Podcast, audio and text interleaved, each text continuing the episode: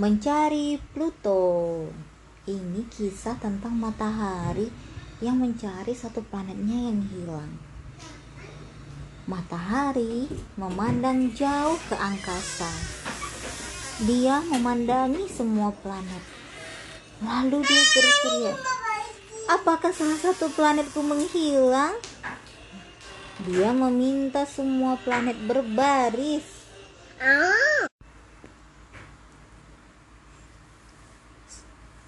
Setelah dia meminta semua planet berbaris, kemudian matahari pun memakai kacamatanya dan mulai berhitung. Dia menghitung planet yang berbaris rapi. Satu, dua, tiga, empat, lima, enam, tujuh, delapan. Oh tidak! Dia berteriak. Ke mana Pluto kecil pergi? Ada satu planet yang hilang dengan salah satu lidah apinya. Matahari mencolek planet yang paling dekat. Matahari mencolek siapa tadi? Merkurius, planet yang paling dekat dengan matahari. Teng teng teng. Apakah kamu melihat Pluto? Merkurius menggaruk salah satu kawannya. Si Pluto kecil yang berwarna biru. Aku tidak melihatnya. Pergi ke mana dia ya?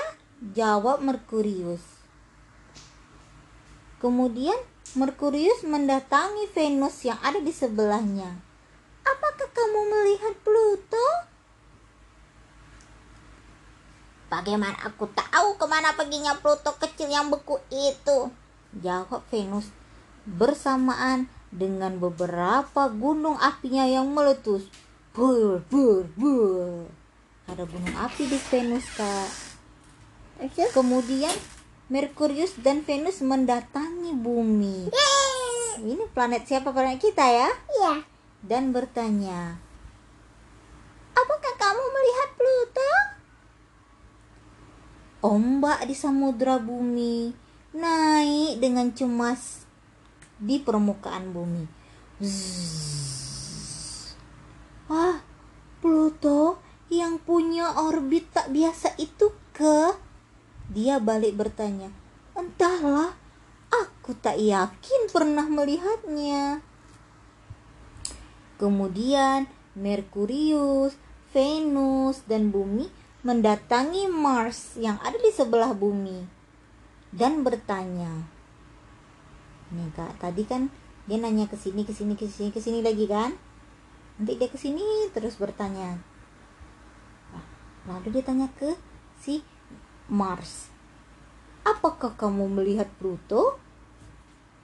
Mars menjadi sangat merah kemudian menjadi malu. Hmm, Pluto tinggal di sabuk Kuiper kan aku belum melihatnya di sana akhir-akhir ini kata Mars malu-malu kemudian Merkurius, Venus, Bumi dan Mars pergi mendatangi planet yang di sebelahnya lagi namanya Jupiter dan mereka bertanya apakah kamu melihat Pluto? Jupiter berputar dengan cepat mencari Pluto ke semua arah. Rotasi Pluto sangat lambat. Sudah lama aku tidak melihatnya, kata Jupiter. Kemudian Jupiter, Merkurius, Venus, Bumi, Mars, dan Jupiter mendatangi Saturnus yang ada cincinnya ini dan bertanya, "Ini cincin di, di planetnya? Apakah kamu melihat Pluto?" Saturnus pun berputar-putar di dalam cincinnya sambil menjawab, "Oh, si Pluto malang dengan gravitasi paling lemah di antara kita. Aku tidak melihatnya di mana pun." Lalu Merkurius, Venus, Bumi, Mars, Jupiter, dan Saturnus mendatangi Uranus. Apakah kamu melihat Pluto? Uranus yang sudah sangat ingin tidur. Oh. Oh. Menggeliat dan menguap. Kemudian berkata, "Tidak, ah, tapi seandainya ia ada di sekitar sini, aku bisa menghitung kelima bulannya untuk membantuku terlelap." Jadi si Pluto yang hilang itu dia punya bulan 5. Lalu Merkurius, Venus, Bumi, Mars, Jupiter, Saturnus, dan Uranus mendatangi Neptunus yang sedang menggigil kedinginan. Apakah kamu melihat Pluto? Dia tetangga dekatmu. Pasti kau tahu ke mana dia pergi. Neptunus mengguncangkan saljunya. Lalu berkata, Aku melihatnya mengemasi tasnya. Dia terlihat sangat suram dan sedih. Namun dia tidak bercerita kepadaku ke mana dia pergi atau alasannya, kata Neptunus. Tiba-tiba Para planet mendengar suara tangisan tak jauh dari sana. Mereka semuanya bergegas mencari tahu suara siapa yang menangis. Apa yang sedang terjadi?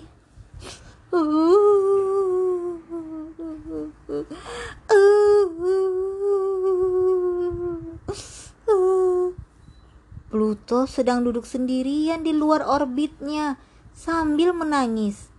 Planet-planet pun akhirnya bergembira karena menemukan Pluto. Yeay, yeay, Mereka pun bertanya kepadanya, mengapa dia menghilang? Para ilmuwan menolakku sebagai planet. Karena aku berukuran kecil dan aku tidak bisa mengusir benda-benda besar dari orbit Tak lama kemudian matahari pun tiba. Itu tidak jadi masalah, kata matahari, penuh kehangatan yang dapat menyentuh hati Pluto yang dingin. Kau akan selalu menjadi bagian dari keluarga ini, keluarga Tata Surya. Seluruh planet bersorak dengan riang. Kita semua keluarga keluarga Tata Surya. Tamat. Itu apa nih? Apa nih? Tamat jadi dulu keluarga Tata Surya itu planetnya ada sembilan kak. Tapi sekarang planet Pluto sudah dikeluarkan dari urutan planet. Tinggal delapan. Begitulah. Megafon raksasa. Setiap malam ada burung raksasa yang datang untuk memakan serangga para serangga sangat ketakutan ayo kita baca ceritanya setiap malam seekor burung raksasa menukik tajam, menangkap serangga-serangga untuk dijadikan makanan. Makan malamnya. Hmm. Makan malamnya, burung itu sebesar babi betina. Besar banget. Matanya merah seperti api. Paruhnya setajam tombak. Sayapnya berbentuk bayangan yang menakutkan. Serem. Tuh. tuh ini, ini matanya. Matanya merah. Coba hidungnya merah. Semua serangga cemas. Suatu hari mereka berkumpul untuk mendiskusikan masalah ini kita harus melemparinya dengan bola-bola tanah usul uwir-uwir. Ini. Kan hitam. Jangan, sela belalang. Kita harus membuat api untuk mengusirnya. Kat sela belalang. Mau belalang. Eh, tapi apa bis? Api bisa membakar sawah. Jawab lebah. Mana? Ini belalang dan ini lebah. Mana bah? Mana? Oh iya. Api bisa memakan? Sawah. Kan semua serangganya tinggalnya dekat sawah. Jika mereka membuat api untuk mengusirnya, nanti sawah ikut terbakar. Tidak ada satupun usul dan ide yang dapat diterima. Selang beberapa lama, Kapan? Mentria. seekor jangkrik keluar dari megafon yang tergeletak di tanah. Itu ada megafon rusak di sana kan? Di situ ada jangkrik yang tinggal. Mana mana? Kenapa? Ini yang berwarna coklat. Hmm. Halo halo itu loh dek. Mana mana? Ini dek yang di belakang yang warnanya coklat ini. Oh iya. Oke. Aku punya ide. Bagaimana cara mengusir burung itu? Katanya kepada para serangga. Wah, jangkriknya ada pitanya. Kita harus membuat sesuatu yang lebih besar daripada burung itu. Bagaimana kalau kita berkumpul dan membentuk megafon raksasa? Jika berteriak bersama, kita akan menghasilkan suara bising dan membuat burung itu kabur ketakutan. Semua serangga setuju dengan ide jangkrik. Ya, benar-benar kami setuju. Malam itu, jangkrik meminta semua berkumpul bersama membentuk sebuah megafon. Serangga yang berbadan besar dan memiliki suara kuat berdiri di belakang. Mana? Yang ini. Hmm. Serangga yang berbadan kecil dan memiliki suara melengking berdiri di depan yang kecil.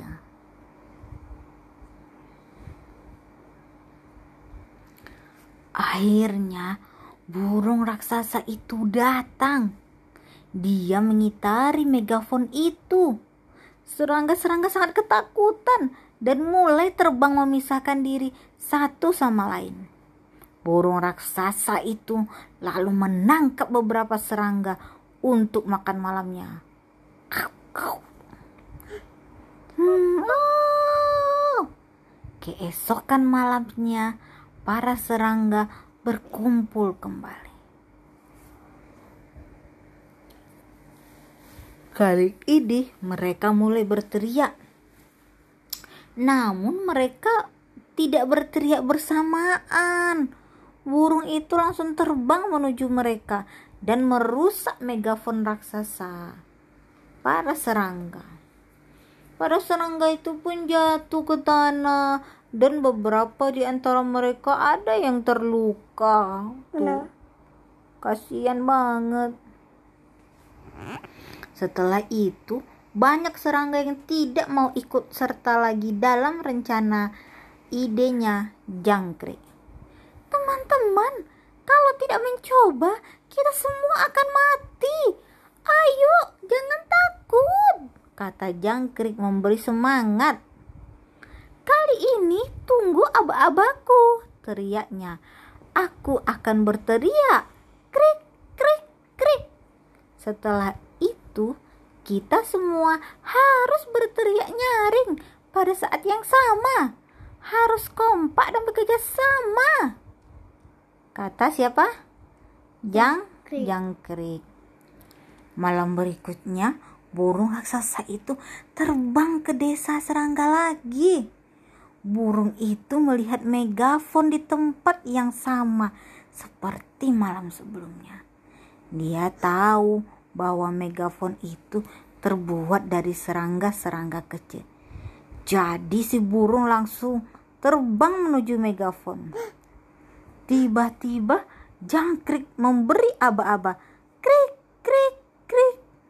Serangga-serangga bersuara bising bersamaan seperti seekor raksasa yang buas. Huyung, ngong, ngong, ngong.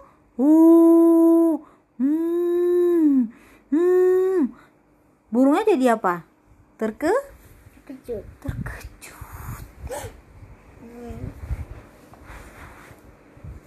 Burung raksasa itu pun terkejut. Suara bising itu menyakitkan telinganya. Ah, dan dia pun langsung pergi. Serangga-serangga bersorak bergembira. Yeay, alhamdulillah, yes, kita berhasil mengusirnya bersama-sama karena mereka bekerja Sama. sama tamat. Kakak lagi cerita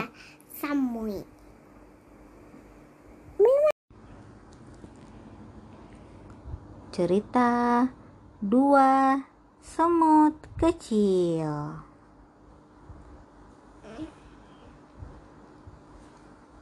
Suatu hari di musim panas, matahari bersinar dengan teriknya.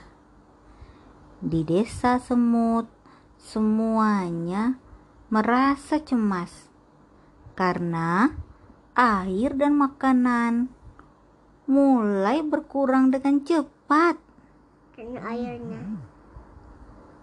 Dan airnya, Mi. Lihat airnya tinggal sedikit kan? Iya. Nih, Tuh. lalu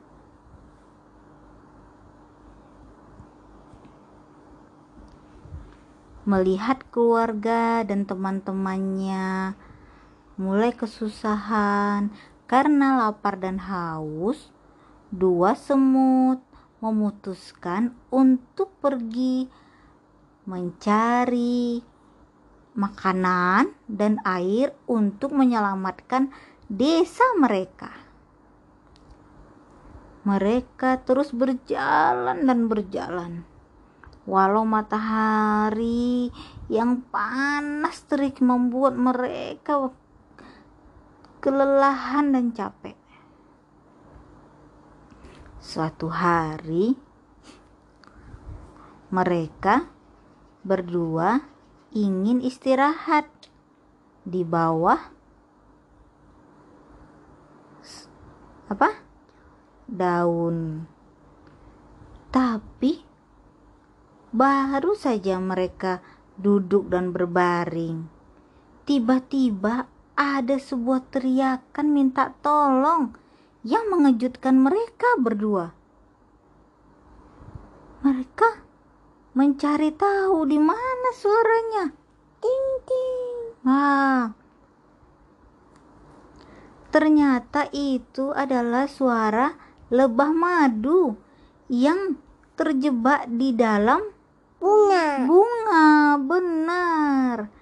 Tidak peduli seberapa keras dia berusaha, tapi lebah madu itu tidak bisa keluar menyelamatkan dirinya. Dua semut kecil dengan segera menolong lebah. Apa yang dilakukannya?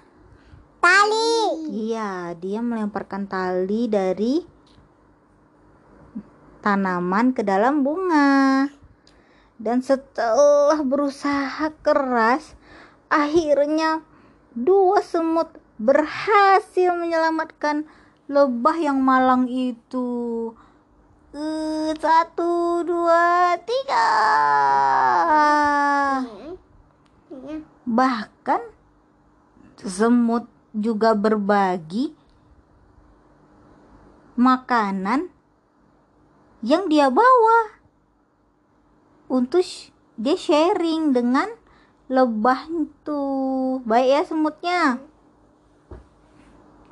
Kan saya Lah, setelah itu semut dan lebah pun menjadi sahabat. Dan semut menceritakan perjalanannya yang untuk mencari minuman dan Makan. makanan untuk desanya. Dan lebah pun berkata, "Itu tidak sulit. Aku Hmm. tahu ada apa? aku tahu ada tempat yang hijau, banyak pohon dan airnya di sebelah sana." Kata. Kata lebah menunjukkan jalannya. Sebelah sana, katanya dekat gunung itu kan. Mengikuti jalan yang ditunjukkan oleh si lebah, kedua semut pun pergi berjalan siang dan malam. Mereka terus berjalan. Akhirnya,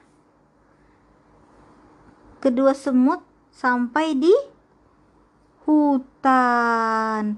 Semuanya sangat cantik, sangat indah di sana. Lalu semut sahabatnya bertanya kepada yang satu, "Apakah kamu mendengar sesuatu?" Di hutan air bersih banyak sekali. Terus pohon juga banyak buah-buahannya. Oh, mereka sangat bahagia dan bersyukur. Ini ada pohon buah. Main. Ini kan air terjun. Shh, Mereka sangat bahagia dengan apa yang ditemukannya. Akhirnya mereka menemukan air dan tempat yang banyak makanannya. Da- lalu semut pun kembali ke rumah dan memberitahukan seluruh teman-teman dan keluarganya. Gitu. Ayo. Desa semut pun bahagia.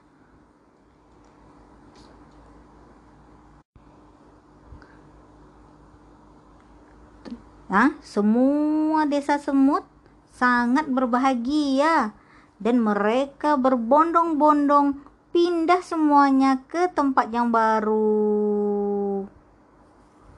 Dan mereka bekerja sama dan bekerja keras Mereka kok rumahnya dari jamur semua. Iya, cantik kan? Mama nih. Ini kan jamur nih. Mereka pindah sampai di tempat yang ba yang baru tuh. Mereka banyak bawa apa tuh? Buah, air. Uh.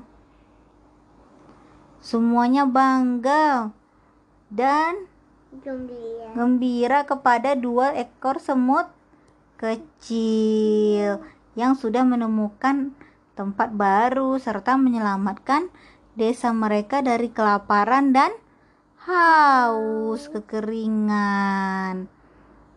Gitulah ceritanya. Tamat.